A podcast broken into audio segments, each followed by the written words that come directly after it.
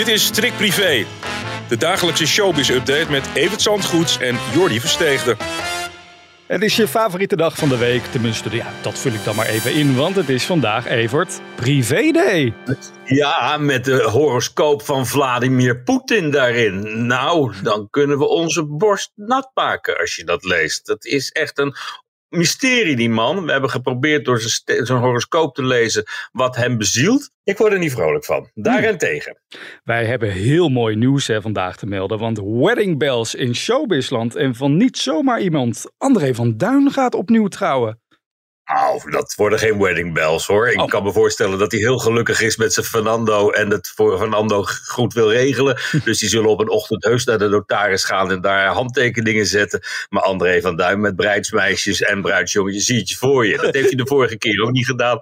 Toen heeft hij het ook allemaal netjes geregeld met Martin. En alleen dat al is natuurlijk al een reden om er niet heel veel poespas van te gaan maken. Maar je kan je voorstellen dat als je al een keer ziek geweest bent en je hebt de liefde van je leven gevonden en je hebt aardig wat te delen voor je vrienden, hoop ik dan maar. Dat, uh, dat je dat goed wil regelen. En uh, ja, dat, alleen dat huis stond al te koop voor 5 miljoen, weet je. Dus ja, ik, ik, denk dat er gewoon een bezoekje aan de notaris gaat komen. En dan is André formeel getrouwd, of in ieder geval in bezit van een samenlevingscontract. Dat heeft hij in het verleden ook gehad. Maar daar hebben we in principe weinig van gemerkt. maar André houdt toch wel van een feestje bij hem thuis, in die bar en zo. Dat wordt toch wel een borrel gedronken en een taart van heel Holland bakt?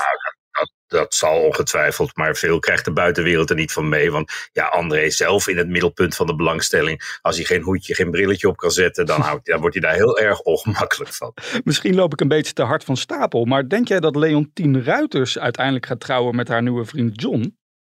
Ik zou het eraan raden. Ja, we ja. weten sinds gisteren dat de man goed is voor 140 miljoen. En dan zou ik zeggen, in gemeenschap van goederen en ervoor gaan, meid. Maar ja, wat je nu allemaal leest is van, ze is, is een golddigger. En dat, dat geloof ik helemaal niet. Maar zij verkeert natuurlijk in, in kringen waar je nogal eens een miljonair tegen het lijf loopt. En als het dan klikt, en daar kan ik me goed bij voorstellen, had de man nou uh, één houten been, een arm en een papegaai op zijn schouder. Maar dat is absoluut niet het geval.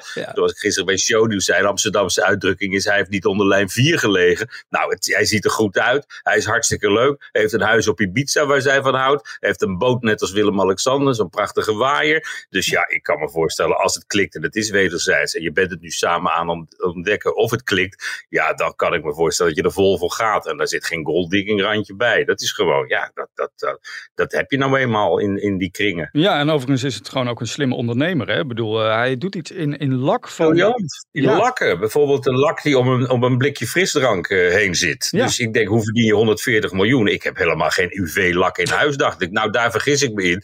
Want de hoes van mijn computer, van mijn telefoon, van, van een, een frisdrankblikje, van een, een, een glossy magazine. Dat komt dus allemaal uit zijn fabrieken. Dan gaat het teller wel door natuurlijk. Het is een uniek product wat hij heeft, wat hij zelf heeft uitgebouwd. En uh, heeft een paar keer zijn zaak kunnen verkopen, delen ervan. Hij heeft ook nog een deel zelf. Dus ja, het is niet iemand met wie je medelijden hoeft te hebben. Helemaal niet. Met nu ook nog Leontien aan zijn zijde. Straks ophef over een bijzonder nieuw programma bedacht door Bovenair van Dorens. Dat doet heel wat stof opwaaien nu al. Maar eerst gaan wij weer eens ouderwets iemand feliciteren. Want André Kuipers is vandaag jarig, 64 jaar. Mijn collega, ook uh, hij uh, verblijft regelmatig tussen de sterren uiteindelijk. en, uh, het, is, uh, ja, het André is een man op wie ik wel jaloers ben. In 1968 met de eerste maanlanding zat ik in de eerste klas van de lagere school. Werkelijk de hele klas wilde astronaut worden. Dat is van die klas, weet ik zeker, niemand gelukt. Maar André Kuipers in een, op een andere school. En later die wel. En ja, dat is toch, moet toch een buiten, buitenaardse ervaring zijn in alle opzichten. Dat je gewoon vanuit de ruimte naar de aarde kijkt. En denkt, jezus, wat een puinhoop maken ze er daarvan. Zeg. In totaal heeft hij dus 203 dagen in de ruimte doorgebracht. Hè? Inderdaad, wat een, een jongensdroom moet dat zijn. Overigens niet voor mij hoor, want uh, mij lijkt dat echt ontzettend... Nee, oh nee. ja, ik ging vanmiddag nog. Echt fantastisch oh, ja? lijkt me dat. Ja, echt. Ik, ik had ook allemaal boeken vroeger en, en munten en ik spaarde Apollo-modellen en uh, ik had alles. En ja, dat is toch wel, uh, wel een ultieme droom, een keer een ruimtereis maken. Nou, Veel je, mensen zouden het begunnen, denk ik. Dan kun je vanaf daar de sterren in de gaten houden, inderdaad. Wij, wij, gaan het over Boven de hebben, want er komt een nieuw programma, door hem bedacht, maar dat programma ligt nu al onder vuur.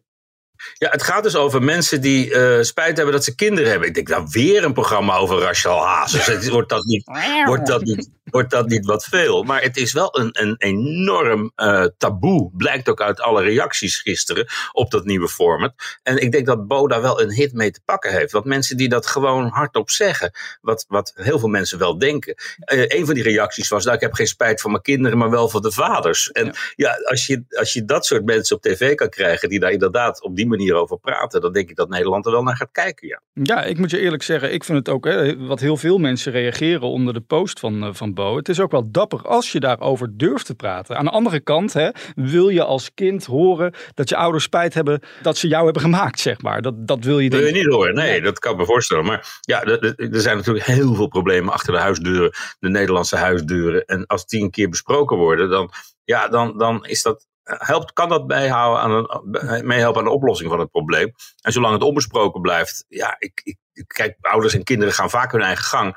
Maar inderdaad, je hoort er nooit iemand over. Ik ben heel benieuwd hoeveel mensen zich tot nu toe al hebben opgegeven hiervoor. Want je moet wel een grens over, denk ik. Wij gaan het over Sonja Bakker hebben. Want uh, zij heeft een interview gegeven aan de Beaumonde. En dat gaat weer eigenlijk over die hele plagiaatrel hè, die rondom haar gespeeld ja, heeft. Het is voor een heel groot deel hetzelfde als het interview wat ik dit voorjaar met ze heb gehad. Alleen de verontwaardiging is er wat. En Sonja krabbelt weer wat terug. Toen was ze redelijk neer, onderdanig en zei ze: Ja, ik heb gewoon heel stom gedaan, die plagiaataffaire en zo. Nu zegt ze alweer van: Ja, het ging maar om vier recepten. Joh, het waren er wel wat meer. En uh, je hebt niet voor niks een, een fors bedrag aan, aan, aan, aan schikkingen uitgegeven. Dus ja, ik vind het altijd moeilijk als mensen een straatje schoonvegen. En uh, kijk, zeg gewoon een keer dat is stom geweest, klaar. Ja. En uh, ja, misschien moet je dan, als je dit ervan maakt, moet je misschien helemaal geen interview geven. Maar Sonja is vastbesloten om, om, om, om weer een keer terug te komen, denk ik. Daarvoor is nodig dat ze schoon schip maakt. Het is met de Barry weer goed. Dat straalt ze ook wel uit. Samen zitten ze op Ibiza. Daar genieten ze van de anonimiteit. Dus aan de andere kant, ja, waarom nou weer een interview gegeven aan Beaumonde, zodat alles weer uh, wordt opgerakeld? Dat doe je toch echt zelf. Maar denk je dat Nederland nog op Sonja Bakker zit te wachten? Of is dat uh, het einde van het tijdperk wat geweest is? Niet vergeten hoe groot ze geweest is. Mensen zijn best nieuwsgierig in Sonja, naar, Sonja Bakker. Op een gegeven moment weet je die boeken wel. Wat moet je nou met twaalf boeken van, van Sonja Bakker bijvoorbeeld? En er zijn er, al, nou, er zijn er al wel meer. Dus ja, op een gegeven moment is het gewoon klaar. Ze heeft de schaapjes op het droge. Prachtig huis in Bergen. Nog mooier huis geloof ik op uh, Ibiza. Dus ga gewoon genieten. En dat verontwaardigde, dat is nooit zo heel sympathiek, komt dat over. Dus uh, ik zou er aanraden, meid, doe het niet en bak een taart. Wij zijn er doorheen. We gaan uh, snel weer hollen, zoals ik iedere week zeg, naar de winkel. Want de privé ligt weer uh, ja, in de schappen. Met onder andere dus... Ah, met die horoscoop ja. van Vladimir Poetin. Nou, ik hoop tot morgen. tot morgen.